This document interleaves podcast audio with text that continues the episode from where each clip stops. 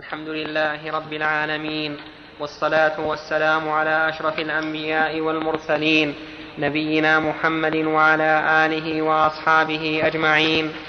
أما بعد فقد قال أبو عبد الله محمد بن مفلح رحمه الله تعالى في كتاب الصيام من كتاب الفروع الصوم لغة الإمساك ومنه إني نذرت للرحمن صوما ويقال للفرس صائم. بسم الله الرحمن الرحيم. صوما يعني إمساكا عن الكلام بدليل قولها فلن أكلم اليوم إنسيا.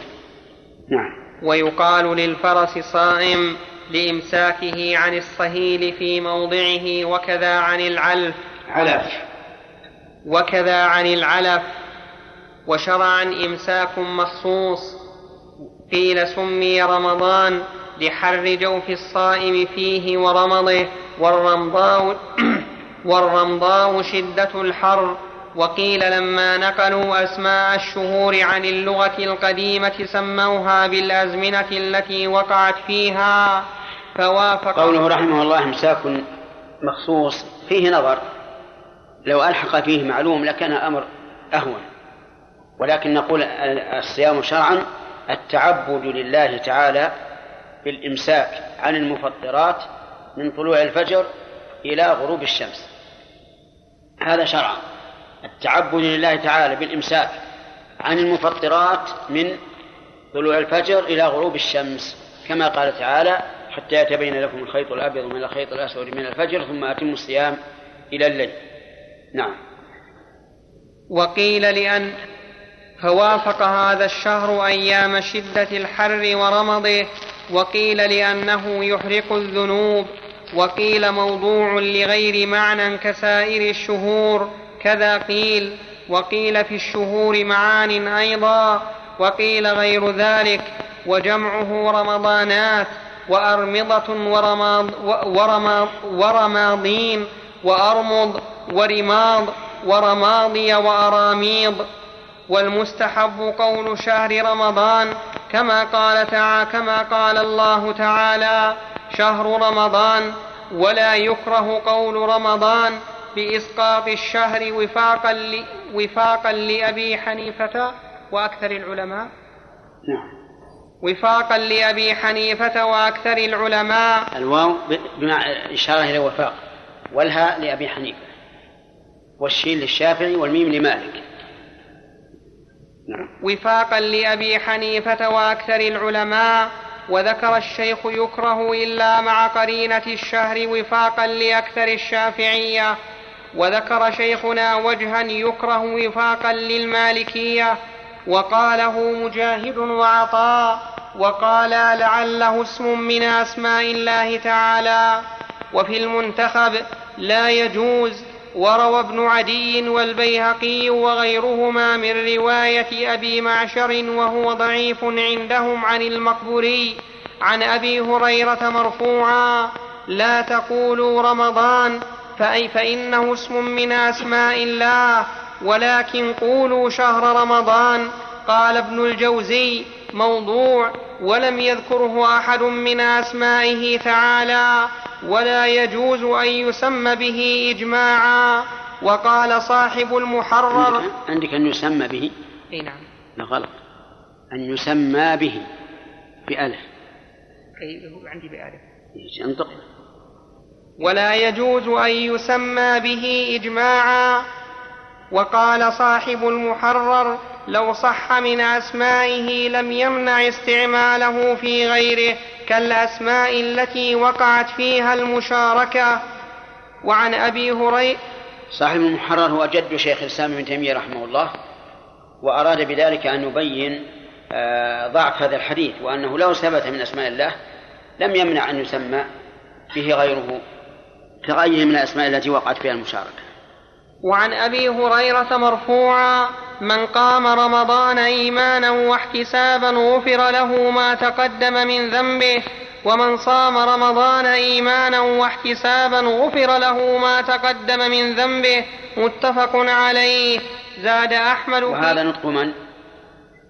نطق من؟ الرسول صلى الله عليه وسلم. فلو كان يكره أن يقال رمضان لاقتضى أن يكون النبي صلى الله عليه وسلم نطق بما هو مكروه أو محرم على قول بعض العلماء. والصواب أنه لا بأس أن يقول صمت أن يقول دخل رمضان وخرج رمضان وما أشبه ذلك. وأيضا ليس من أسماء الله قطعا ولا يجوز أن يسمى به الله. نعم. زاد أحمد في رواية عن عفان عن حماد بن سلمة عن محمد بن عمرو عن أبي سلمة عن أبي هريرة وما تأخر وحماد له أوهام ومحمد تكلم فيه وعن أبي هريرة مرفوعا. والصواب أنه ليس بصواب. يعني ليس بصحيح الحديث. كل حديث فيه وما تأخر فهو غير صحيح.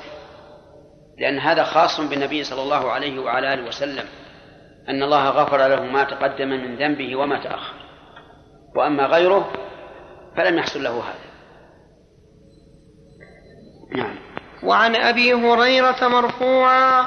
إذا جاء رمضان فتحت أبواب الجنة وغلقت أبواب النار وصفدت الشياطين وفي لفظ فتحت أبواب الرحمة وغلقت أبواب جهنم وسلسلة الشياطين متفق عليه.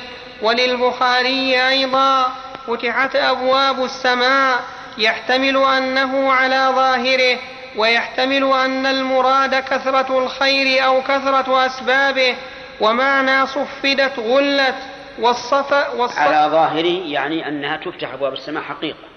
وهذا كقوله في الوضوء من قال أشهد أن لا إله إلا الله وأشهد أن محمدا عبده ورسوله فتحت له أبواب الجنة ثمانية.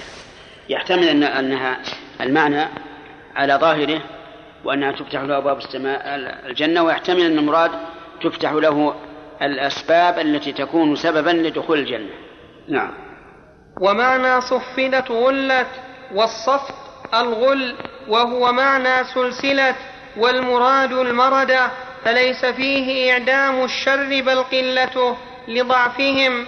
ولهذا روى الترمذي وابن ماجة من حديث أبي هريرة صفدت الشياطين ومردت, ومردت الجن. وللنسائي من حديثه وتغل فيه مردة الشياطين فلا يرد قول القائل إن المجنون يصرع فيه. وقد قال عبد الله لأبيه هذا فقال هكذا الحديث ولا تكلم في ذا. وروى أحمد رحمه الله. وهكذا ينبغي للإنسان أن لا يتكلم في مثل هذه الأمور. ولهذا نهى الإمام أحمد ابنه أن يتكلم في هذا. قل كما قال الله. وهذا كقول بعض الناس لماذا قال الله عز وجل في قصة الخضر؟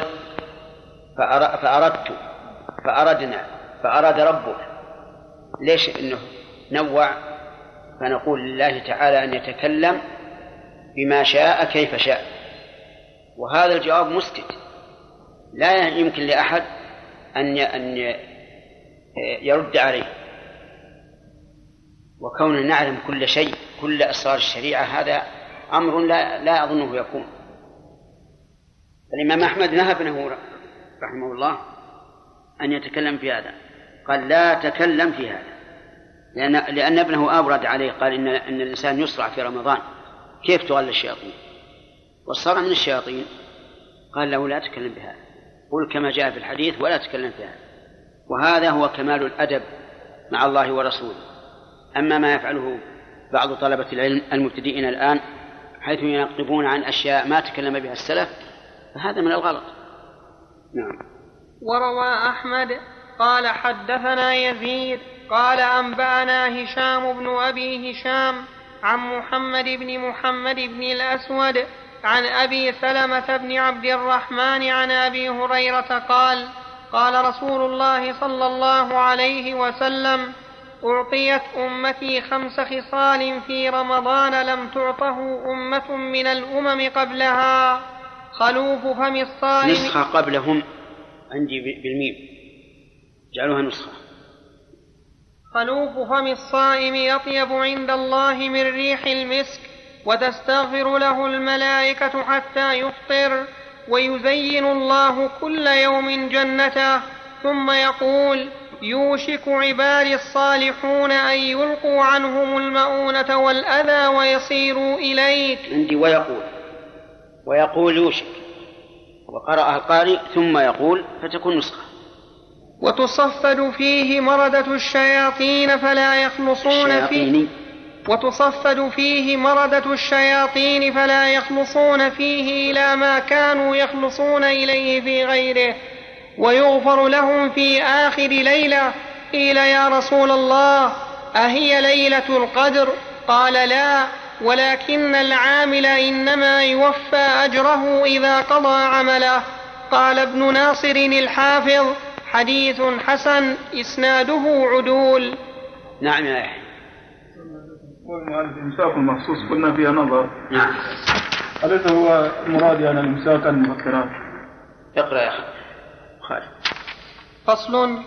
صوم رمضان فرض إجماعا. فرض في السنة الثانية من الهجرة إجماعا. فصام رسول الله صلى الله عليه وسلم تسع رمضانات إجماعا. ويجب صومه برؤية ثلاثة إجماعات. صوم رمضان فرض. وفرض في السنة الثانية وصام رسول الله صلى الله عليه وسلم تسع رمضانات بالإجماع. نعم. ويجب صومه برؤية هلاله فإن لم ير مع الصحو ليلة الثلاثين ها؟ كيف؟ وجهين طيب. طيب. ويجب صومه برؤية هلاله فإن لم ير مع الصحو ليلة الثلاثين من شعبان أكملوه ثلاثين ثم صاموا وصلوا التراويح وفاقا. كما لو رأوه وإن حال دون مطلعه غيم أو قتر أو غيرهما أو غيرهما ليلة الثلاثين من شعبان وجب صومه بنية رمضان اختاره الأصحاب وذكروه ظاهر المذهب وأن نصوص أحمد على وأن نصوص أحمد عليه كذا قالوا ولم أجد عن أحمد أنه صرح بالوجوب ولا أمر به فلا تتوجه إضافته إليه. و... الله.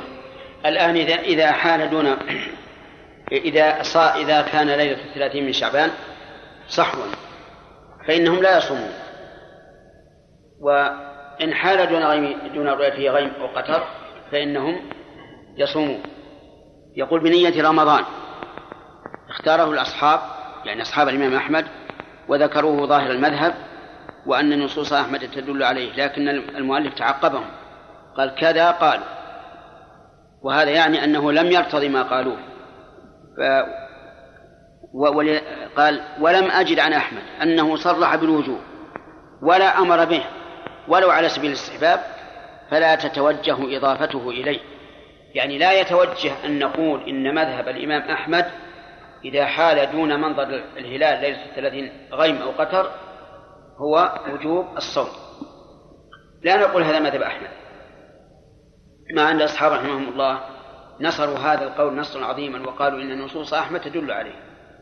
نعم.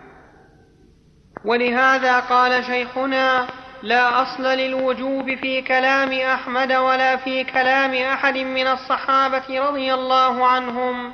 واحتج الأصحاب بحديث ابن عمر وفعله وليس بظاهر في الوجوب. وإنما هو احتياط قد عورض بنهي واحتجوا بأقيسة تدل طيب. الآن بدأ المؤلف رحمه الله يذكر الحجج. الأصحاب رحمهم الله احتجوا بحديث ابن عمر وفعله. حديث ابن عمر فإن غم عليكم فاقدروا له. قالوا معناه اقدروا له أي ضيقوا عليه. فاجعلوا شعبان تسعا وعشرين. وقالوا إن القدر هنا بمعنى التضييق كقوله ومن قدر عليه رزقه فلينفق مما آتاه الله. وفعل ابن عمر ابن عمر رضي الله عنه كان إذا كان ليلة الثلاثين من شعبان إذا كانت ليلة الثلاثين من شعبان أرسل من يتحرى الهلال. فإن كان صحوا ولم يره لم يصم. وإن كانت السماء مغيمة صام. لكن ابن عمر فعله على سبيل الاحتياط. لأنه لم يأمر به ولا أهل بيته. حتى أهل بيته ما يأمرهم بأن يصوموا. مما يدل على أنه فعله على سبيل الاحتياط. أما النص النبوي فاقدروا له فلا يدل على الوجوب بل ولا على الاستحباب. وإذا قالوا معنى ضيقوا عليه قلنا يصح أن نقلب المسألة ونقول اقدروا له أي ضيقوا رمضان فلا تصوم فلا تصوم. إذا ضيقنا رمضان معناه ما نصوم. ثم إن حديث النبي عليه الصلاة والسلام يفسر بعضه بعضا. وقد جاء في حديث أبي هريرة فأكملوا العدة ثلاثين. وهذا يدل على إيش؟ على أن معنى اقدروا له أي أكملوا ثلاثين. لأن الحديث يفسر بعضه بعضا. وقال بعض المتأخرين معنى اقدروا له أي اعملوا بما يقتضيه الحساب. فيكون هذا من باب التقدير. اقدروا له يعني قدروا أنه هل أو لم, أو لم يهل وهذا ليس ببعيد. وهو متمشي على القواعد. أنه إذا تعذر اليقين عملنا بغلبة الظن ولا شك أن الحساب يوجب غلبة الظن. نعم. ما في أسئلة ها؟ وين في؟ إيش؟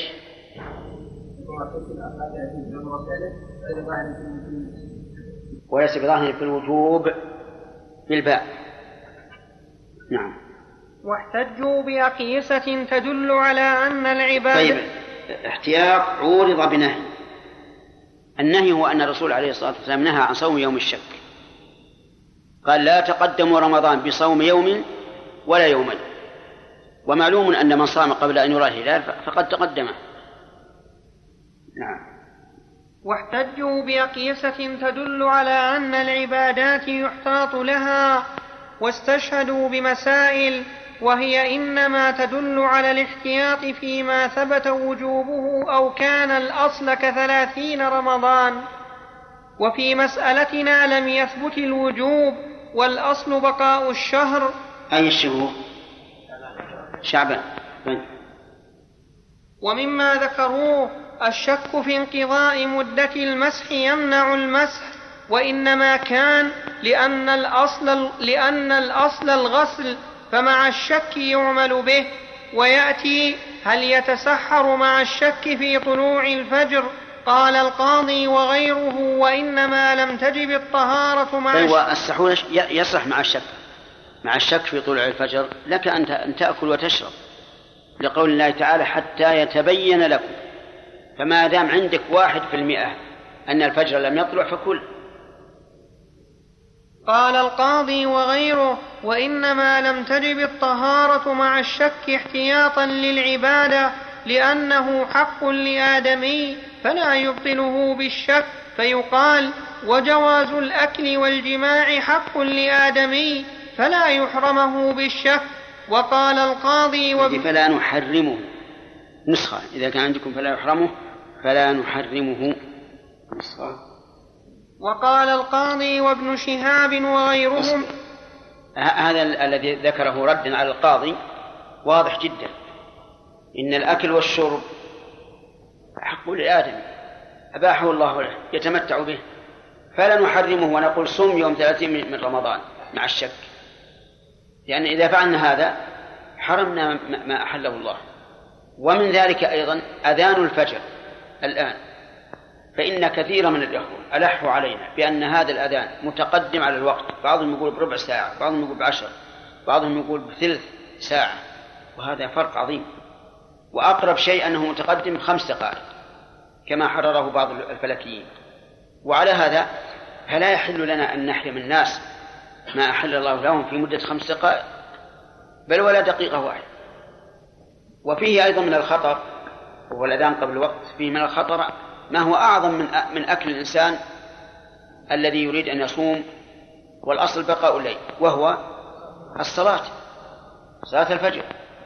فإن كثيرا من الناس ترتقب الأذان فإذا أذن صلى إما مريض في بيته أو امرأة أو ما أشبه ذلك. فهذه المسائل ينبغي للإنسان أن يعرف حدود الله فيها حتى لا يحرم الناس ما أحل الله لهم ولا يحل لهم ما حرم الله عليهم. آت محمدا الوسيلة والفضيلة وبعث مقام نعم.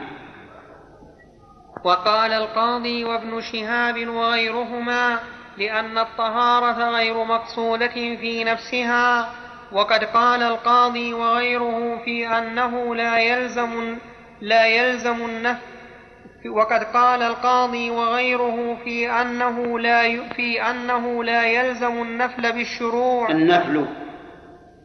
وقد قال القاضي وغيره في أنه لا يلزم النفل بالشروع. الطهارة مقصودة في نفسها ولهذا يعني وهذا تناقض. كون يقول الطهارة يعني لا نوجب الطهارة بالشك. يقول الطهارة غير مقصودة بنفسها. وهو في موضع قال إنها مقصودة بنفسها فيكون هذا منه تناقضا. ومع ذلك لا نسلم أن الطهارة غير مقصودة بل الطهارة مقصودة بنفسها تحط الخطايا. وإذا انتهى الإنسان وشهد بالتوحيد فتحت له أبواب الجنة فهي مقصودة بنفسها بلا شك.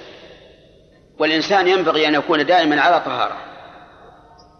نعم. وقد قال القاضي وغيره في أنه لا يلزم النفل بالشروع الطهارة مقصود في أنه لازم يعني في هذه المسألة يعني في البحث حول النفل هل يلزم بالشروع أو لا قالوا إن الطهارة مقصودة. إيه؟ ولهذا يستحب تجديدها بخلاف إزالة النجاسة وتأتي فيما يفعل عن الميت. وقيل لمن نصر في وقيل لمن نصر من الأصحاب في كتب الخلاف صوم يوم الغيم يلزم عليه نذر صوم رجب رجب أو شعبان فإنه إذا غم أوله لم يلزم. فقال كذلك قال أصحابنا والنذور لا تبنى إلا على أصولها من الفروض. كذا قال ويتوجه يلزم لأنه فرض شرعي عندهم فعلى هذا يصومه حكما ظنيا بوجوبه احتياطا. ويجزئه. وقيل للقاضي لا يصح إلا بالنية ومع الشك فيها لا يجزم بها. فقال لا يمتنع التردد فيها للحاجة كالأسير وصلاة من خمس. كذا قال. وذكر في الانتصار أنه يجزئه إن لم تعتبر نية التعيين وإلا فلا. كذا قال. إذا قال كذا قال يعني؟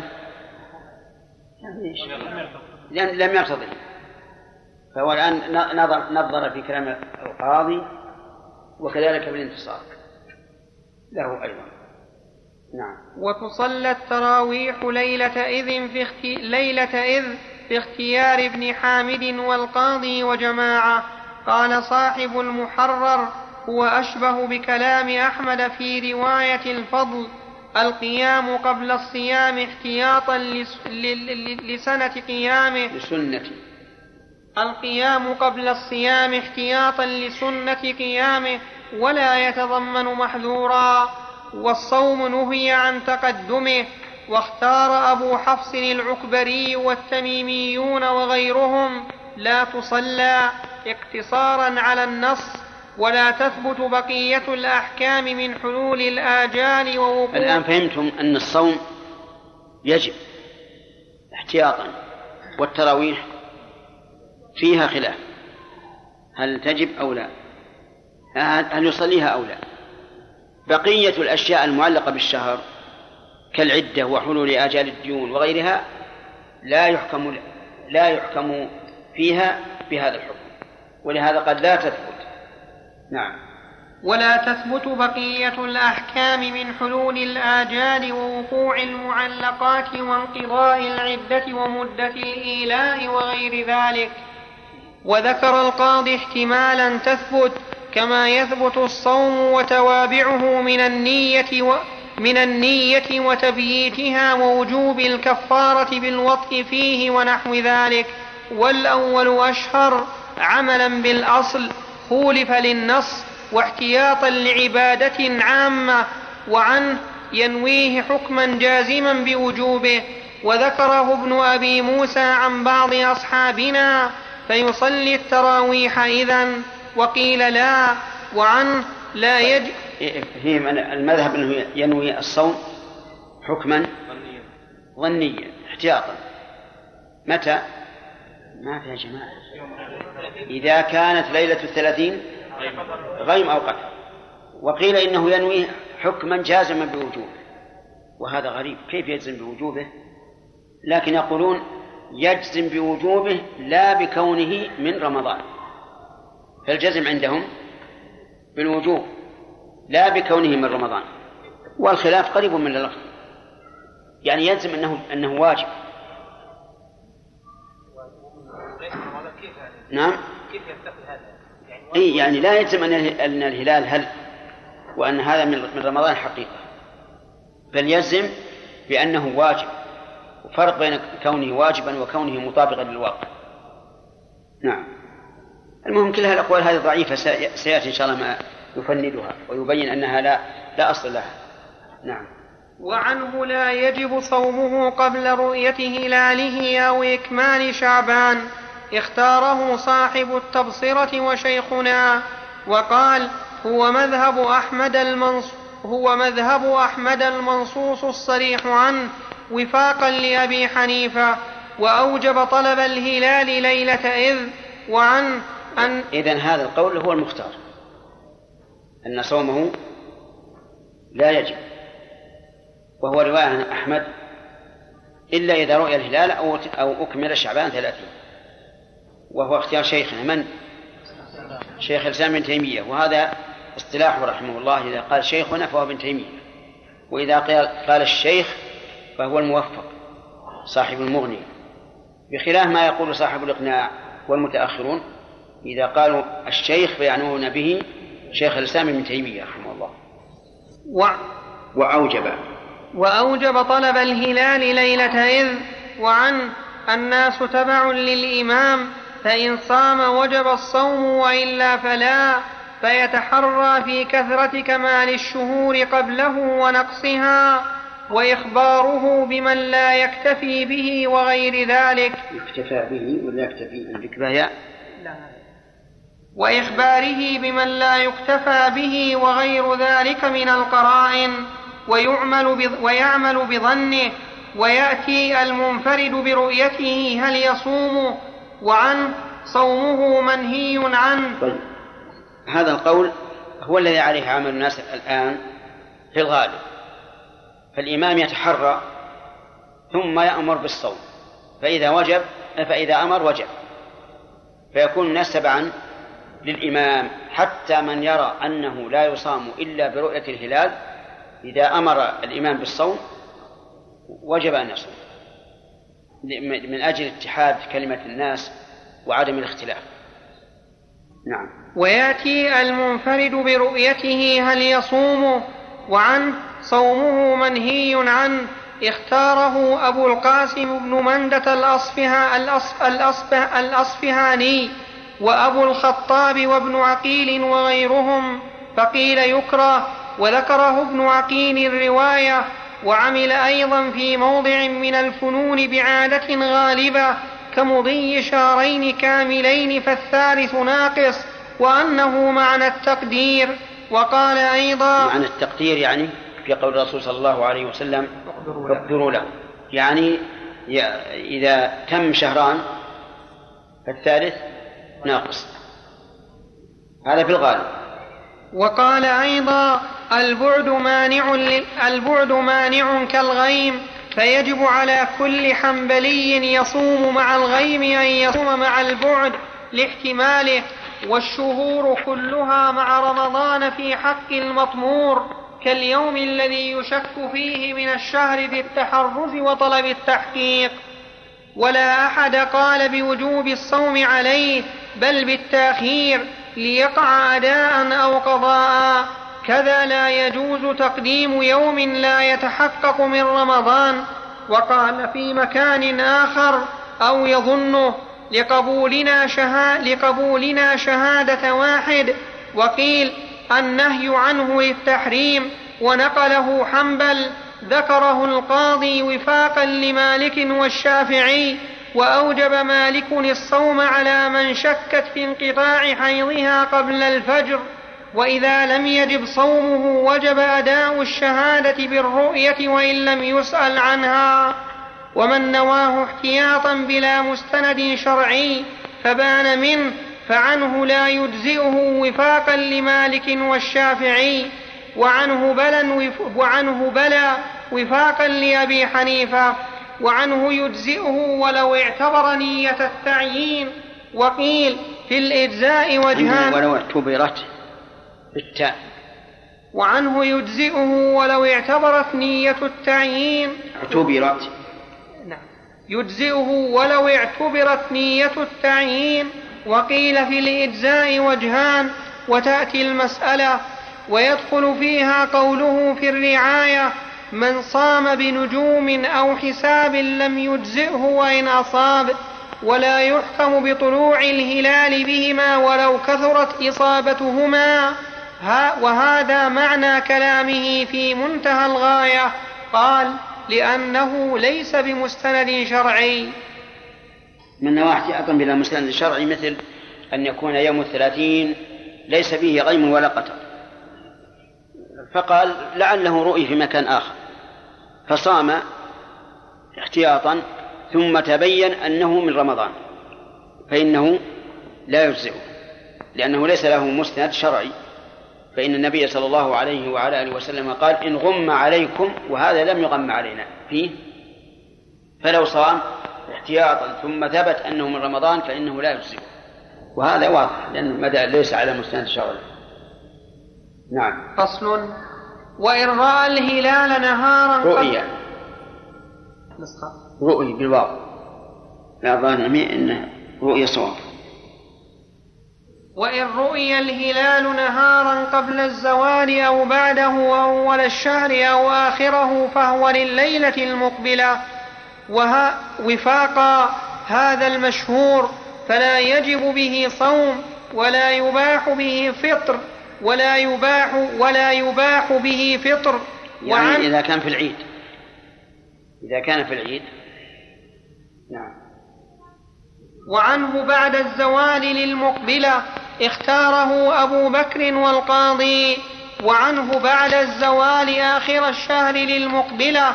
وعنه آخر الشهر قبل وعنه آخر الشهر قبل الزوال وبعده للمقبلة.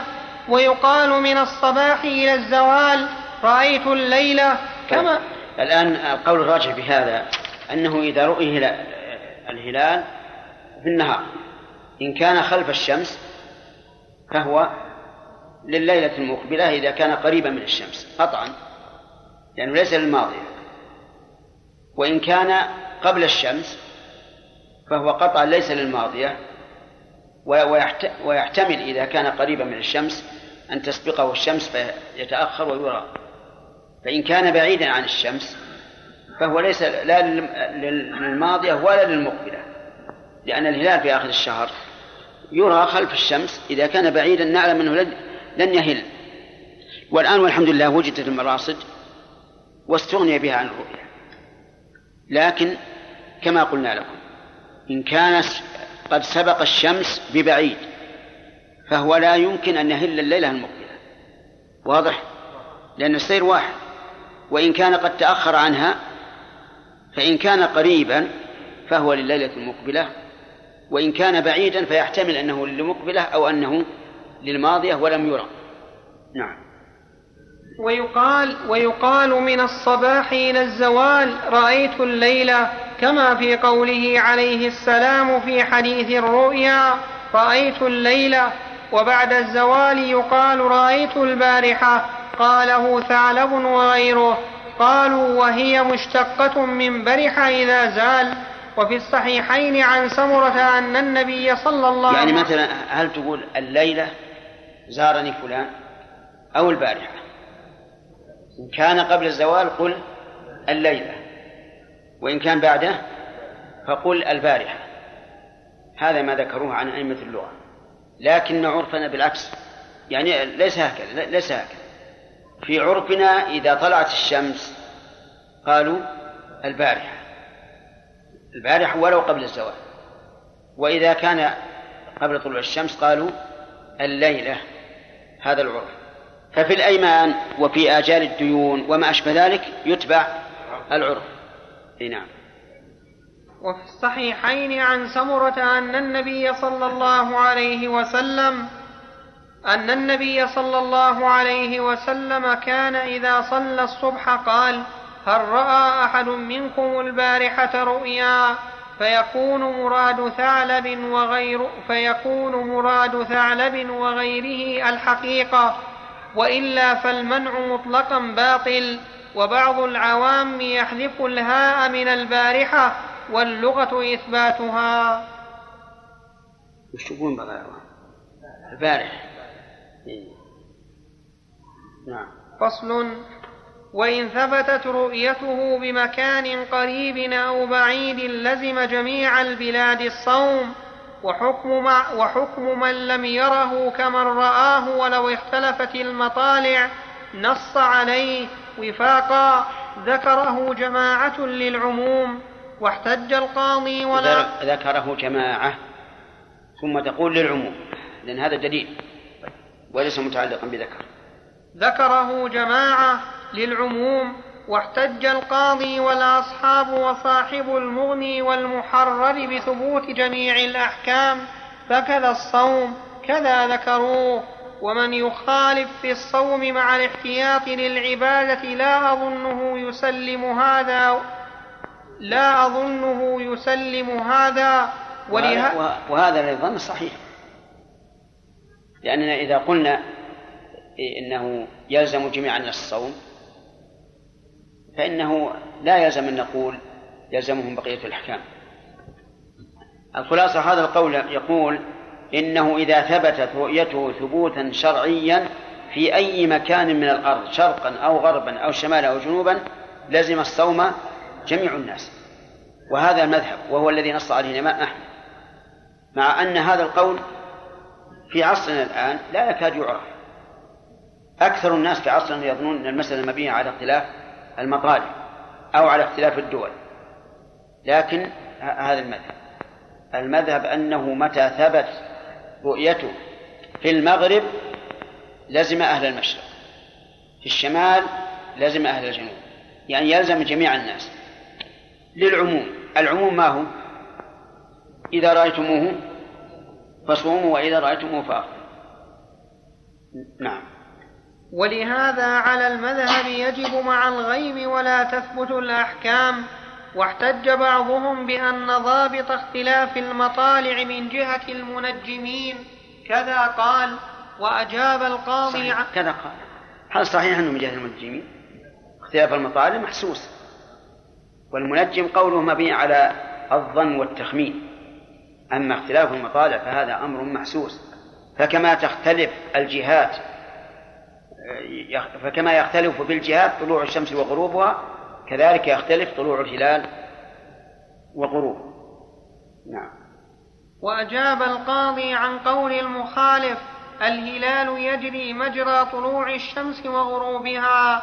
وقد ثبت أن لكل بلد حكم نفسه كذا الهلال فقال يتكرر مراعاتها في كل يوم فتلحق المشقة في اعتبار طلوعها وغروبها فيؤدي إلى قضاء العبادات. والهلال في السنة والهلال في السنة مرة فليس كبير مشقة في قضاء يوم ودليل المسألة من العموم يقتضي التسوية. وسبق قول أحمد أول المواقيت. الزواج هذا رد على القانون وغيره. دليل المسألة في العموم يقتضي التسوية لأن الله لأن الله تعالى قال ثم أتموا الصيام إلى الليل. فهو كقوله وإذا رأيتموه فأفطروا وقال النبي صلى الله عليه وسلم إذا طلعت الشمس من هنا وغربت من هنا وإذا طلع إذا أقبل الليل من ها هنا وأدبر النهار من ها هنا وغربت الشمس فقد أفطر الصائم. ومن المعلوم أنه لا يفطر أهل المغرب بفطر أهل المشرق. فلا فرق. نعم. وسبق قول أحمد أول المواقيت الزوال في الدنيا واحد لعله أراد هذا وإلا فالواقع خلافه. وقال شيخنا تختلف المطالع باتفاق أهل المعرفة. أنا معنى كلام الإمام أحمد الزوال في الدنيا واحد. يعني أن الشمس إذا مالت إلى جهة الغرب فقد فقد زالت في أي مكان. وليس المعنى إذا زالت في المشرق زالت في المغرب أو بالعكس. الإمام أحمد أعلم وأفقه من أن يريد هذا. فمراد الزوال في الدنيا واحد يعني إيش؟ أنه متى مالت الشمس عن الجانب الشرقي في الأفق إلى الجانب الغربي فهذا هو الزوال في أي مكان. نعم. الجانب الشرقي في الأفق. ها؟ جانب إذا زالت عن الجانب الشرقي في الأفق إلى الجانب الغربي. نعم. فقد زالت في فقد زالت في أي مكان؟ أكتب إيه صح. أكتب ليش ما تكتب؟ الظاهر إنك من جنس قال ادعونا ربك يعني في السؤال. لو كتبت ولا سألت؟ نعم. ف... وقال شيخنا تختلف المطالع باتفاق أهل المعرفة بهذا؟ قال فإن اتفقت لزم الصوم وإلا فلا وفاقا للأصح للشافعية واختار صاحب الرعاية البعد مسافة قصر فلا يلزم الصوم وفي شرح مسلم أنه مشكل هذا القول. البعد مسافة القصر؟ يعني معناه آه أن أهل الرياض مثلا يصومون ونحن لا نصوم. إلا أن رأيناه. وهذا قول ضعيف من أضعف الأقوال. أن يكون المعتبر البعد مسافة القصر. واختار واختار بعض الشافعية البعد اختلاف الإقليم وعن مالك وقاله المغيرة وابن الماجشون يلزم بلد الرؤية وعمله فقط إلا أن يحمل الإمام الناس على ذلك. هذا جيد وهو اللي عليه العمل. الآن العمل على هذا أنه يلزم أهل الرؤية أهل بلد الرؤية وإيش؟ وعمله يعني التابع له في الولاية. عمل الناس اليوم هكذا. ورأينا من بعض الدول عجبا عجبا. إذا صلحت العلاقات بين الدولتين فالرؤية واحدة. وإن ساءت العلاقات اختلفت المطالب الله المستعان. نعم. وذكر ابن عبد البر وذكر ابن عبد البر إجماعا أن الرؤية لا تراعى مع البعد كالأندلس من خرسان كذا. مع عندي مع خرسان عندي من نسخة شيء إيه. نسخة نسخة. كذا قال. قال في الرعاية تفريعا على المذهب. ليش أتعقبه وهذا يعني قد يبدو جيدا. نعم. لك أن الرؤية لا تراعى مع البعد كالأندلس مع خراسان وذكر إجماعا فقول كذا قال يحتمل أن يكون عائد على مسألة أنها لا تعتبر مع الأندلس وخراسان ويحتمل أن النظر في حكاية الإجماع. وكلاهما صحيح. فمثلا نحن نعلم أنه إذا رؤي في خراسان فسيرى في الأندلس. وإن رؤي في الأندلس لا يلزم أن يرى في خراسان لأن خراسان شرق أبعد شيء في الشرق. والأندلس غرب. إذا رؤي في الأندلس يجب أن يرى في خراسان لأنه كل ما له يتأخر عن الشمس. فإذا كانت الشمس قد سبقته في خراسان لازم أن تسبقه في الأندلس. ولا بد. أما العكس فلا. قد يرى في الأندلس ولا يرى في خراسان. لأن هذه المسافة يمكن أن تسبق الشمس القمر وإذا سبقت إيش؟ إذا سبقته رؤي رؤيا الهلال. نعم. و... قال في الرعاية. قال في الرعاية تفريعا على المذهب واختياره لو سافر من واختياره يعني وعلى اختياره. قال قال في الرعاية تفريعا على المذهب واختياره لو سافر لا اختياره معطوف على المذهب. قال في الرعاية تفريعا على المذهب واختياره لو سافر من بلد الرؤية ليلة الجمعة إلى بلد الرؤية ليلة السبت فبعد وتم شهره ولم يروا الهلال صام معهم وعلى المذهب يفطر فإن شهد به وقبل قوله وأفطروا معه على المذهب وإن سافر إلى بلد الرؤية ليلة الجمعة من بلد الرؤية ليلة السبت وبعد أفطر معهم وقضى يوما على المذهب ولم يفطر على الثاني ولو عيد ببلد بمقتضى الرؤية ليلة الجمعة في أوله وسارت به سفينة أو غيرها سريعا في يومه إلى بلد الرؤية إلى بلد الرؤية في أول ليلة السبت وبعد أمسك معهم بقية يومه لا على المذهب. كذا قال وما ذكره على المذهب واضح وعلى اختياره فيه نظر. انتهى الوقت. وهذه مسألة اقرأوها قبل حضوركم غدا إن شاء الله. لأنها مهمة إذا اختلفت الرؤية في في بلد سافر منه إلى بلد سافر إليه. خمس دقائق. قبل الإقامة بخمس دقائق إن شاء الله. نعم. بسم الله الرحمن الرحيم.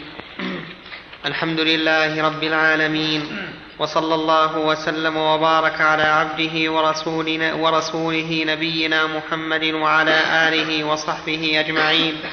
أما بعد فقد قال الموفق أبو عبد الله بن مفلح رحمه الله تعالى في كتاب الصيام من كتاب الكافي ولو عيد ببلد الموفق. مكتوب عليه الموفق. ما عندي ما القابل. نعم. هو قال الموفق. أقول هل من ألقابه الموفق هو موفق. كلنا موفقين إن شاء الله. لكن إذا موفق يظنون أن ابن قدامة اي أنا سبق لساني ولا هو شمس الدين؟ ها؟ هو شمس الدين. اي لعلك آه، راح وهمك الكافي يا أبو محمد. نعم. قال قال قال أبو عبد الله بن مفلح رحمه الله تعالى في كتاب الصيام من كتاب الكافي. شفت شفت إن ان قلبك بالكافي قال أبو عبد الله محمد بن مفلح رحمه الله تعالى في كتاب الصيام من كتاب الفروع. ولو عيد ببلد بمقتضى الرؤية ليلة الجمعة في أوله وسارت به سفينة أو غيرها سريعا في يومه إلى بلد الرؤية في أول ليلة السبت وبعد أمسك معهم بقية يومه. لا على المذهب كذا قال وما ذكره على المذهب واضح وعلى اختياره فيه نظر لأنه في الأولى اعتبر حكم البلد المنتقل إليه لأنه صار من جملتهم. وفي الثانية اعتبر حكم المنتقل اعتبر حكم المنتقل منه لأنه التزم حكمه والأصح للشافعية اعتبار ما انتقل إليه والثاني ما انتقل منه قال صاحب المحرر فيما إذا أفطر على المذهب وليكن خفية هذه المسألة تقع كثيرا خصوصا في وقتنا. لو صام مثل لو صام في المغرب آه، ليلة السبت. ثم قدم إلى المشرق ولم يروا الهلال. أكمل ثلاثين وهم لم يروا. فهل يفطر سرا؟ لأن الشهر لا يمكن أن يزيد على ثلاثين. أو يصوم معه. هذه هي المسألة. لا الجواب يصوم معه. ولو زاد على الثلاثين لأنه كما لو سافر في أثناء النهار وامتد النهار. مثل أن يسافر من المملكة إلى جهة الغرب أوروبا. الشمس ستبقى معه طويلة. نقول لا تفطر حتى تغرب الشمس ولو زاد اليوم إلى يوم ونصف. لكنه إن شاء أفضل لأنه مسافر. وهكذا أيضا لو زاد على الثلاثين يوما. وبالعكس لو أنه سافر من المشرق إلى المغرب. وأفطروا وهو لم يتم تسعة وعشرين يوما. فإن فإنه يفطر معه ولا بد حتى وإن لم يصم إلا ثمانية وعشرين يوما. يفطر. وهل يقضي أو لا يقضي؟ نقول يقضي يوما لأن الشهر لا يمكن أن ينقص عن تسعة وعشرين يوما. هذا هو الخلاصة. وعلى هذا فلا نقول إنه يعتبر البلد المنتقل منه ولا البلد المنتقل إليه على سبيل الإطلاق. بل في ذلك تفصيل. طيب إذا إذا سافر على أنه صائم من بلد ثم وصل البلد الثاني وهم مفطرون على أنها عيد هل يفطر؟ الجواب نعم يفطر. يفطر معهم لكنه يقضي يوما. لأنه لم يتم الشهر. هذا على ما اخترنا من اعتبار اختلاف المطالب. أما إذا قلنا بأنه متى ثبت رؤيته في أي بلد إسلامي فإنه يجب على المسلمين عموما فيختلف الحكم. فمثلا إذا إذا صام ليلة السبت ثم سافر إلى بلد لم يروه إلا ليلة الأحد. وأتموا ثلاثين. كم يبقى له؟ يكون له واحد وثلاثين. فنقول يجب عليه أن يفطر سرا. لماذا؟ لأن الشهر تم ثلاثين في حكمه وحكمهم. إذ أن الواجب على هؤلاء أن يكونوا تبعا للبلد الذي ثبت به ثبت فيه الهلال. وإذا شهد عند البلد الذين لم يثبت عندهم الهلال إلا متأخرا فإن قبلوا شهادته أفطروا بشهادته وإن لم يصوموا إلا إلا 28 يوما وإن لم يقبلوها استمروا وإذا وإذا صاموا 28 يوما وجب عليهم قضاء يوم هذا بناء على؟ على أن أنه متى ثبتت رؤيته في بلد لزم جميع الناس. فيكون هؤلاء الذين تأخروا عن عن بلد الرؤية يكونون أفطروا يوما من رمضان. لأن الشهر في حقهم ثابت أو ثابت. ثابت بناء على أنه يجب على الجميع. يكون أفطروا يوما من رمضان فيفطرون إذا أتموا ثلاثين يوما برؤية البلد الآخر ويقضون يوما. نعم. فصل. ويقبل في هلال رمضان قول عدل واحد. نص عليه وفاقا للشافعي. وحكى الترمذي عن أكثر وحكاه الترمذي عن أكثر العلماء لحديثي ابن عباس وابن عمر. ولأنه خبر ديني وهو أحوط ولا تهمة فيه بخلاف آخر الشهر ولاختلاف أحوال الرائي والمرئي ولهذا لو حكم حاكم بشهادة واحد وجب العمل بها وفاقا لأبي حنيفة وفي الرعاية وقيل حتى مع غيم وقتر فيفهم منه أن المقدم خلافه والمذهب التسوية. وقال أبو بكر إن جاء من خارج المصر أو رآه فيه لا في جماعة قبل واحد وإلا اثنان وحك وحكي رواية وفي, الروا وفي الرعاية هذه الرواية إلا أنه قال لا في جمع كثير ولم يقل وإلا اثنان ومذهب أبي حنيفة يقبل واحد, يقبل واحد في غيم أو رآه خارجة أو أعلى مكان منه كالمنارة ومع الصحو التواتر. وعن أحمد رحمه الله يعتبر عدلان وفاقا لمالك. قاف وش تعني يا شيخ؟ في, في أحد القولين. قاف يعني في أحد القولين. طيب. وعن أحمد رحمه الله يعتبر عدلان وفاقا لمالك في أحد القولين. فعلى الأول أحد قوليه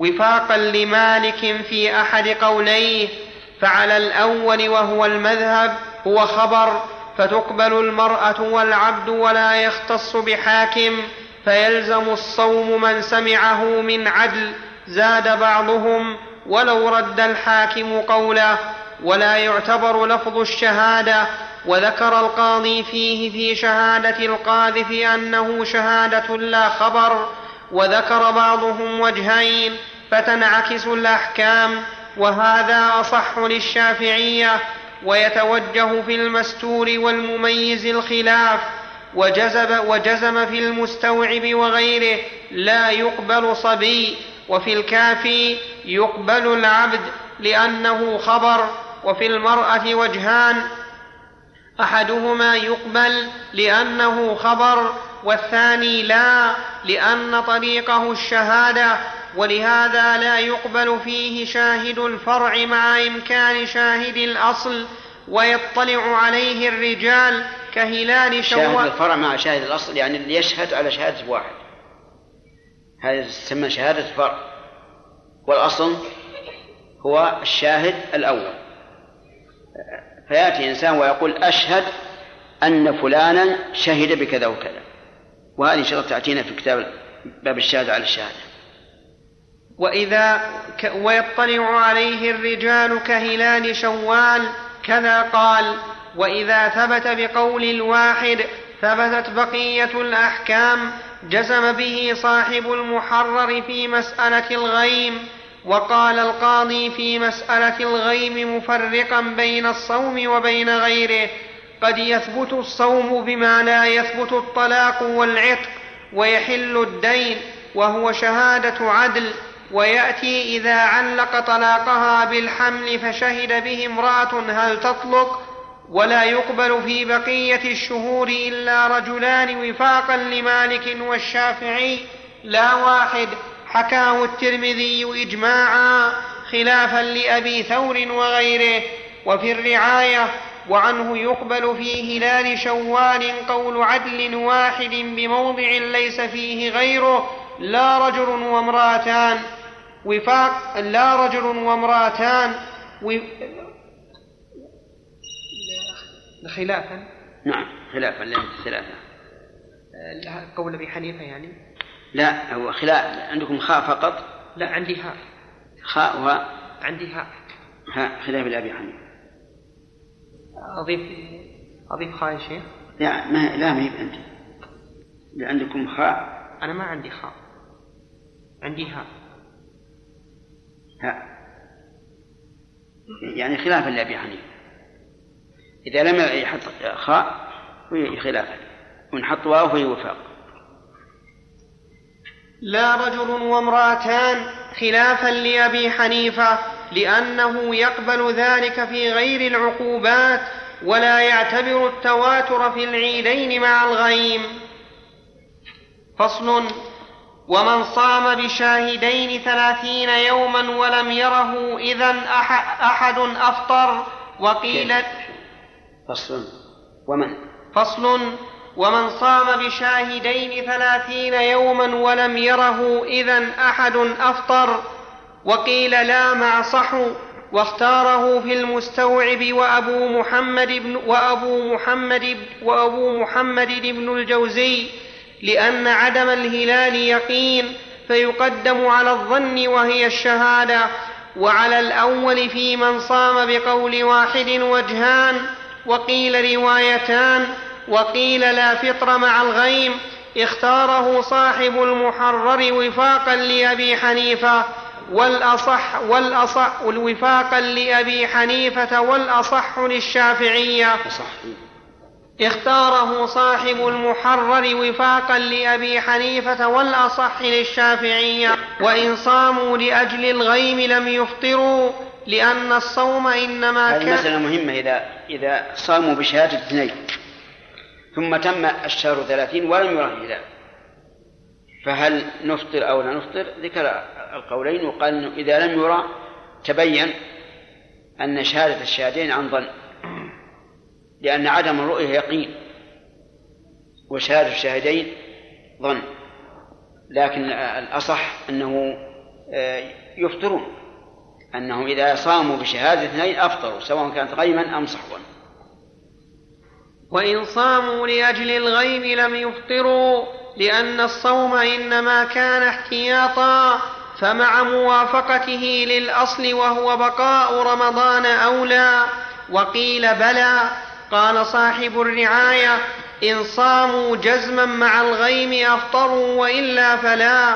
فعلى الأول إن غم هلال شعبان وهلال رمضان فقد نصوم اثنين وثلاثين يوما حيث نقصنا رجبا وشعبان وكانا كاملين.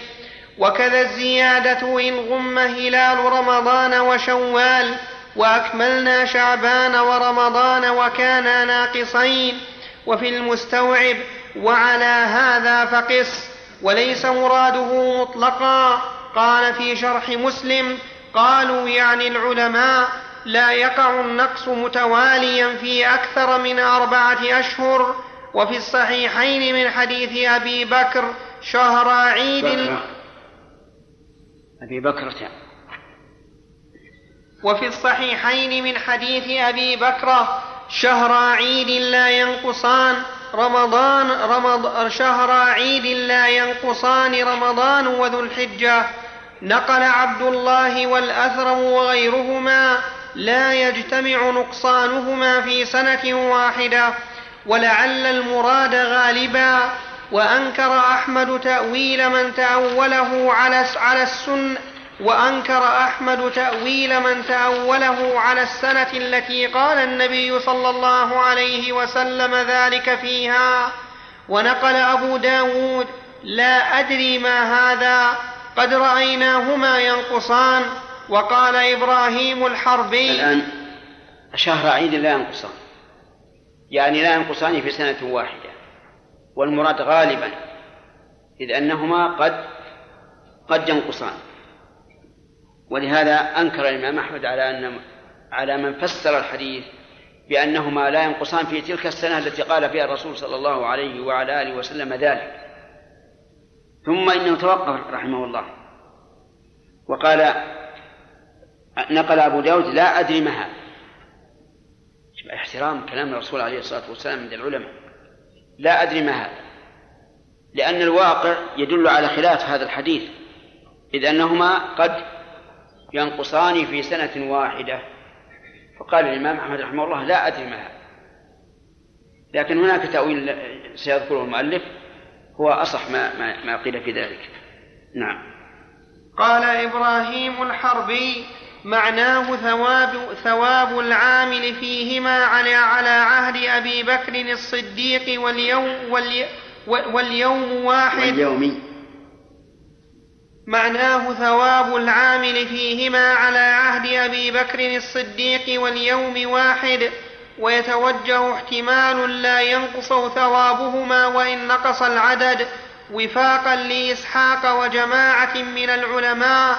وقاله ابن هبيرة قال ويزيدهما فضلا إن كانا كاملين قال القاضي الأشبه الأول لأن فيه دلالة على معجزة النبوة لأنه أخبر بما يكون في الثاني وما ذهبوا إليه فإنما هو إثبات حكم. كذا قال وإن صاموا ثمانية وعشرين ثم رأوا هلال شوال قضوا يوما كلام القاضي كما تعقبه ابن مفلح رحمه الله بأن هذا معجزة للرسول صلى الله عليه وسلم وأنه لا يمكن أن ينقص في سنة واحدة. لكن يقال إن هذا واقع أنهما ينقصان في سنة واحدة. فيكون أصح ما يقال إنهما لا ينقصان أي في الثواب وإن نقصا في العدد. نعم. وإن صاموا ثمانية وعشرين ثم رأوا هلال شوال قضوا يوما فقط نقله حنبل واحتج بقول علي رضي الله عنه ولبعد الغلط بيومين ويتوجه تخريج واحتمال. ومن رأى هلال رمضان وحده وردت شهادته لزمه الصوم وحكمه وفاقا للعموم. وكعلم فاسق بنجاسة ماء أو, دين على موروثه. ولأنه يلزمه إمساكه لو أفطر فيه ويقع طلاقه وعتقه المعلق بهلال رمضان وغير ذلك من خصائص الرمضانية. ولهذا فارق غيره من الناس وليست الكفارة عقوبة محضة بل هي عبادة أو فيها شائبة العبادة بخلاف الحد. ويأتي في صوم المسافر أن الخلاف ليس شبهة في إسقاطها. ذكر ذلك في منتهى الغاية وفي المستوعب وغيره على رواية حنبل لا يلزمه صوم صوم لا يلزمه صوم لا يلزمه شيء من أحكامه. وحديث أبي هريرة صومكم يوم تصومون. رواه الترمذي وقال حسن غريب وفيه عبد الله بن جعفر وهو ثقة عندهم وتكلم فيه ابن حبان وقد رواه أبو داود وابن ماجة والإسناد جيد فذكر الفطر والأضحى فقط ومذهب أبي حنيفة إن وطئ فيه فلا كفارة عليه وذكره ابن عبد البر قول أكثر العلماء كذا قال ذكره. وذكره وذكره ابن عبد البر. بالضمير أي وذكره. ابنها ما سمعت ما سمعت الضمير. وذكره ابن عبد البر قول أكثر العلماء كذا قال ونقل حنبل لا يلزمه الصوم اختاره شيخنا. قال ولا غيره. وعلى الأول هل يفطر يوم الثلاثين؟ يعني حتى مع رؤية الهلال. إذا رأى الهلال وتيقن مثل الشمس. ولكنه لم يثبت عند الناس فإنه لا يصوم. هذا اختيار شيخ الإسلام رحمه الله. لئلا يفارق الجماعة. لأنه لو صام ثم أتم ثلاثين يوما والناس صائمون لزم أن يفطر والناس صائمون. ولزمه أن يصلي العيد. وهذا خلاف الجماعة. نعم. وعلى الأول هل يفطر يوم الثلاثين من صيام الناس؟ فيه وجهان ذكرهما أبو الخطاب ويتوجه عليهما وقوع طلاقه وحل دينه المعلقين به. واختار صاحب الرعاية يقع ويحل وإن رأى هلال شوال وحده لم يفطر نقله الجماعة وفاقا لأبي حنيفة ومالك للخبر السابق. وقاله عمر وعائشة واحتمال خطئه وتهمته. والاحتمال. والاحتمال. للخبر السابق وقاله عمر وعائشة والاحتمال خطئه وتهمته فوجب الاحتياط. قال شيخنا وكما لا يعرف وحده ولا يضحي وحده. قال والنزاع مبني على أصل وهو أن الهلال هل وهو أن الهلال هل هو اسم لما يطلع في السماء وإن لم يشتهر ولم يرى أو أنه لا يسمى هلالا إلا بالظهور والاشتهار كما يدل عليه الكتاب والسنة والاعتبار. فيه قولان للعلماء هما روايتان عن أحمد وقال أبو حكيم يتخرج أن يفطر. واختاره أبو بكر قال ابن عقيل يجب أن يفطر سرا وفاقا للشافعي لأنه يتيقنه يوم العيد وعلل ابن عقيل بما فيه من المفسدة كتركه بناء الكعبة على قواعد إبراهيم وقتل المنافقين. قال ولأن وقتل المنافقين. كتركه بناء الكعبة على قواعد إبراهيم وقتل المنافقين. قال ولأن الحقوق يحكم بها عليه فيما يخصه كذا الفطر ولما احتج على القاضي بثبوت الحقوق التي عليه أجاب بأننا لا نعرف الرواية في ذلك ثم فرق بأنها عليه والفطر حق له كاللقيط إذا أقر بأنه عبد يقبل فيما عليه وهو الرق ولم يقبل فيما له من إبطال العقود. قيل لابن عقيل فيجب منع مسافر ومريض وحائض من الفطر ظاهرا لئلا يتهم. فقال إن كانت أعذارا خفية منع من إظهاره كمرض لا أمارة له ومسافر لا علامة عليه وذكر القاضي أنه ينكر على من أكل في رمضان ظاهرا, ظاهرا وإن جاز هناك عذر فظاهره المنع مطلقا. وقد قال أحمد رحمه الله أكره المدخل السوء. وفي الرعاية في من رأى هلال شوال. المدخل السوء يعني ما, يدخل عليه ويساوى به الظن من أجله يكرهه لأن الإنسان ينبغي له أن يدرأ الغيبة عن نفسه ما استطاع نعم. وفي الرعاية في من رأى هلال شوال وعنه يفطر وقيل سرا كذا قال وقال صاحب المحرر لا يجوز إظهار الفطر إجماعا قال والمنفرد بمفازة ليس بقربه بلد ليس بقربه بلد يبني على يقين رؤيته لأنه لا يتيقن مخالفة الجماعة بل الظاهر الرؤية بل الظاهر الرؤية بمكان آخر. وإن رآه عدلان ولم يشهدا عند الحاكم أو شهدا فردهما لجهله بحالهما لم يجز لأحدهما ولا لمن عرف عدالتهما الفطر بقولهما في قياس المذهب. قاله صاحب المحرر لما سبق ولما فيه من الاختلاف وتشتيت الكلمة وجعل مرتبة الحاكم لكل إنسان وجزم الشيخ بالجواز لقوله عليه السلام فإن شهد شاهدان فصوموا وأفطروا رواه أحمد والنسائي. وهذا بشرط أن يعلم عدالتهم وأما إذا لم يعلم فإنه لا يجوز أن يفطر بشهادتهما حتى يثبته الحاكم. فصل. وإذا اشتبهت الأشهر على الأسير والمطمور ومن بمفازة ونحوهم تحرى وصام فإن وافق الشهر أو ما بعده أجزأه وفاقا فلو وافق رمضان السنة القابلة فقال صاحب المحرر قياس المذهب لا يجزئه عن واحد منهما إن اعتبرنا منه التعيين. وإلا وقع عن الثاني وقضى الأول. ان اعتبرنا إيش؟ إن اعتبرنا منه التعيين. منه؟ نعم. لا نية.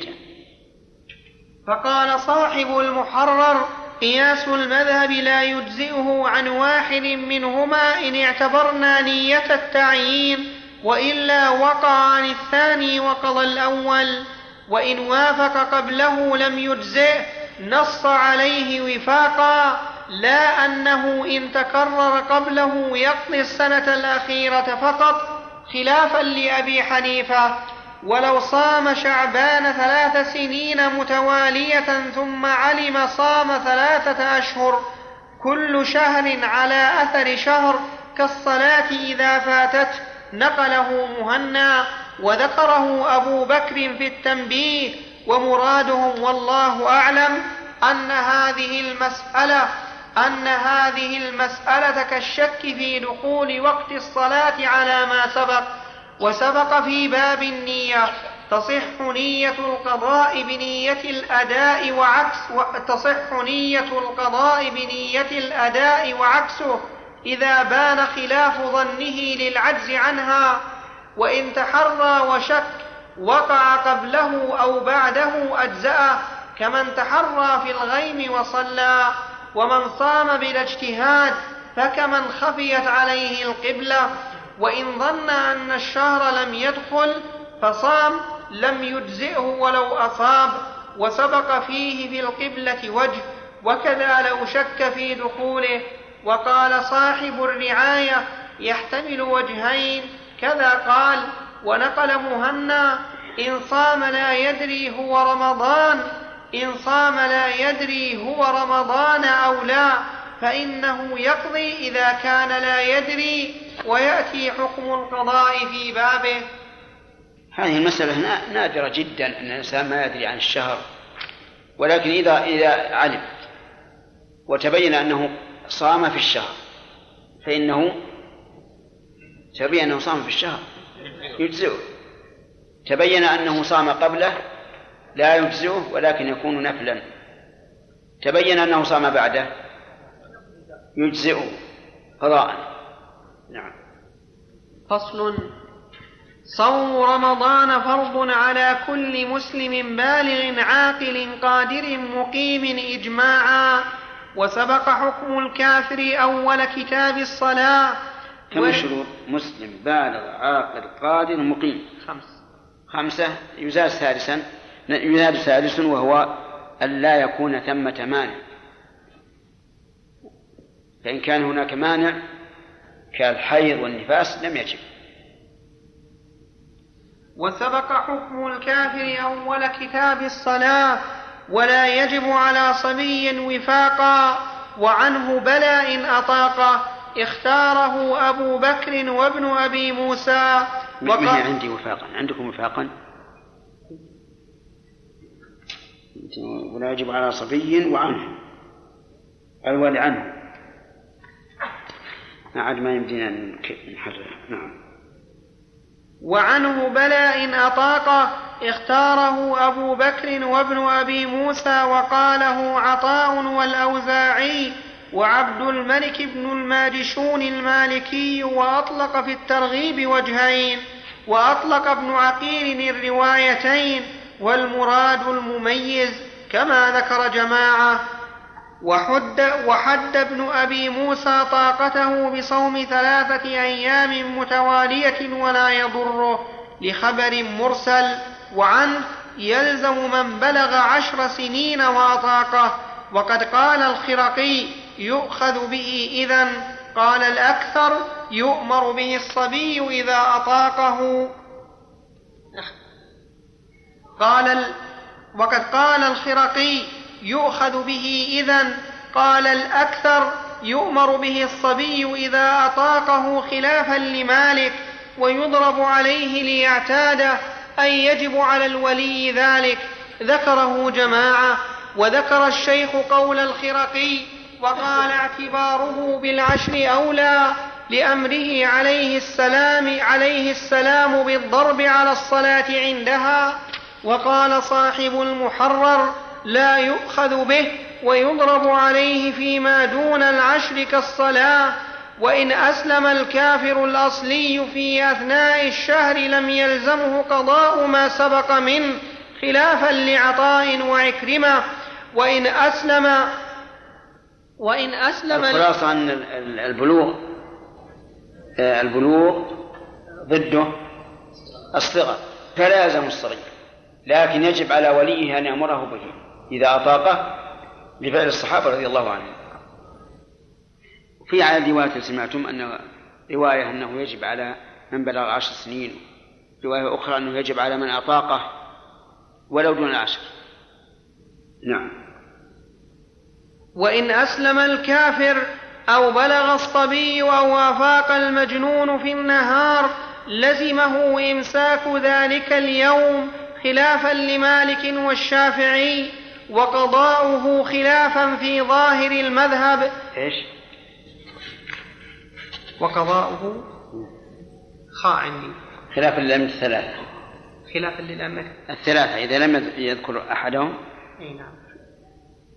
وقضاؤه خلافا للأئمة الثلاثة في ظاهر المذهب لأمره عليه السلام بإمساك يوم عاشوراء ولحرمة الوقت وكقيام بينة فيه بالرؤية كما تجب الصلاة بآخر وقتها وكالمحرم يلزمه صوم يوم عن بعض مد في الفدية وعنه لا يجبان ويأتي الكلام في المجنون هل يقضي؟ وإن قلنا يجب الصوم على الصبي عصى بالفطر وأمسك ويقضي كالبالغ وإن نوى المميز الصوم ثم أنه أنه يلزمهما يلزمهم الإمساك دون القضاء. يلزمهم الإمساك دون القضاء. بلغ الصبي في أثناء النهار إما بتمام خمس عشر سنة أو بإنزال المني. نقول أمسك لأنه, لأنه الآن خوطب مخاطبة البالغ فيمسك ولا يقضي لا يقضي لأنه في أول النهار كان ممن ممن لازمه الصوم فلازمه القضاء. وكذلك يقال في من في المجنون إذا أفاق نقول أمسك وليس عليك القضاء. وكذلك إذا أسلم الكافر في أثناء النهار نقول أمسك ولا قضاء عليك. وعنه لا يجبان. نعم. فتكون الأقوال ثلاثة وجوب الإمساك والقضاء وهو المذهب. ووجوب الإمساك دون القضاء وعدم الوجوب لا في الإمساك ولا في القضاء. والصواب وجوب الإمساك دون القضاء. وإن نوى المميز الصوم ثم بلغ في النهار بسن أو, أو احتلام وقلنا يقضي لو بلغ مفطرا فلا قضاء عليه عند القاضي كنذره إتمام نفل وعند أبي الخطاب يلزمه القضاء كقيام البينة يوم الثلاثين وهو في نفل معتاد وسبق الوجوب في أحدهما وتجدده في الأول سبق سبق و... وسبق الوجوب في أحدهما وتجدد وتجدد وتجدده في الآخر. تجدده. وسبق الوجوب في أحدهما وتجدده في الآخر ملغى بما لو كانا مفطرين. وكبلوغه في صلاة وحج فعلى هذا هو كمسافر قدم صائما يلزمه الإمساك. وحك وحكي قول هنا وعلى الأول هو كبلوغه مفطرا. والصواب أنه لا, لا قضاء عليه. إذا بلغ في أثناء النهار وهو صائم فلا قضاء عليه لا أشكال فيها.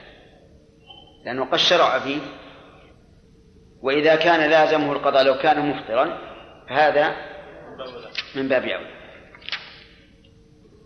وإن طهرت حائض أو نفساء أو قدم مسافر أو أقام مفطرا أو برئ مريض مفطرا لزمهم الإمساك على الأصح وفاقا لأبي حنيفة كالقضاء إجماعا وكمقيم تعمد الفطر وفاقا سافر أو حاضت المرأة أو لا نقله ابن القاسم وحنبل ويعايا بها ويتوجه لا إمساك مع حيض ومع السفر خلاف وفي المستوعب رواية في صائم أفطر عمدا أو لم ينوي الصوم حتى أصبح لا إمساك عليه. كذا قال وأطلق جماعة الروايتين في الإمساك وقال في الفصول يمسك من لم يفطر وإلا فروايتان. ونقل الحلواني ذكر ذكر الحلواني نسخة ولا نسخة وذكر الحلواني إذا قدم المسافر أفطر غدا كقدومه مفطرا وجعله القاضي محل وفاق وإذا لم يجب الإمساك فقدم مسافر مفطرا فوجد امرأته طهرت من حيضها له أن يطعها وإن برئ مريض صائما أو قدم مسافر أو أقام صائما لزمه الإتمام وفاقا وأجزأ وفاقا كمقيم صائم مرض ثم لم يفطر حتى عوفي وفاقا ولو وطئها فيه كفرا نص عليه خلافا لأبي حنيفة كمقيم وطئ ثم سافر. وإن علم مسافر أنه يقضي هذه مسألة أيضا الصحيح فيها أنه لازمهم الإمساك. يعني إذا قدم المسافر مفطرا فإنه لا إمساك عليه. له أن يأكل بقية النهار. وإذا طهرت المرأة من الحيض فإنه لازمها الإمساك. تأكل بقية النهار. لكن يلزمهم القضاء. على عكس من الصغير يبلغ والكافر يسلم والمجنون يفيق والفرق أن هذا فيه زوال مانع. وذاك وذاك فيه قيام سبب الوجوب فافترق. ففي من قام في حق في, في, في من وجد في حقه سبب الوجوب في أثناء النهار نقول أمسك ولا قضاء وفي من زال المانع في أثناء النهار نقول اقضي ولا إمساك. طيب لو قدم المسافر مفطرا ووجد امرأته قد طهرت من الحيض مفطرة. يجوز جامعها نعم. على هذا القول يجوز جامعها فيلغز بها. ويقال إنسان بالغ عاقل مقيم جامع في نهار رمضان ولم يلزمه شيء. نعم. وإن علم مسافر أنه يقدم غدا لزمه الصوم نقله أبو طالب وأبو داود كمن نذر صوم يوم كمن نذر صوم يوم يقدم فلان وعلم قدومه في غد بخلاف الصبي يعلم أنه يبلغ في غد لأنه غير مكلف وقيل يستحب وفاقا لوجود سبب الرخصة قال صاحب المحرر وهو أقيس لأن المختار أن من سافر في أثناء يوم له الفطر وإن قامت بينة بالرؤية في يوم منه أمسك وفاقا وقضى وفاقا. وذكر أبو الخطاب رواية لا يلزمه الإمساك وقاله عطاء وخرج في المغني على قول عطاء من ظن أن الفجر لم يطلع وقد طلع ونحو ذلك. وقال شيخنا يمس ضعيف هذا جدا. يعني مثلا إذا قامت البينة في أثناء النهار يقول لا يمسك هذا ضعيف. كذلك إذا إذا أكل يظن أن الفجر لم يطلع ثم تبين طلوعه يقول لا يجب عليه الإمساك. وهذا أيضا أشد ضعفا. فالصواب أنه يلزمه الإمساك إذا قامت البينة في أثناء النهار. يعني بأن جاء الشهود إلى القاضي في الضحى وشهدوا بأنهم رأوا الهلال البارحة فإنه يلزم الإمساك. لأنه تبين أن اليوم من رمضان. وكذلك إذا أكل يظن أن الفجر لم يطلع ثم تبين أنه طالع يجب عليه الإمساك لأنه تبين أن اليوم يوم صوم.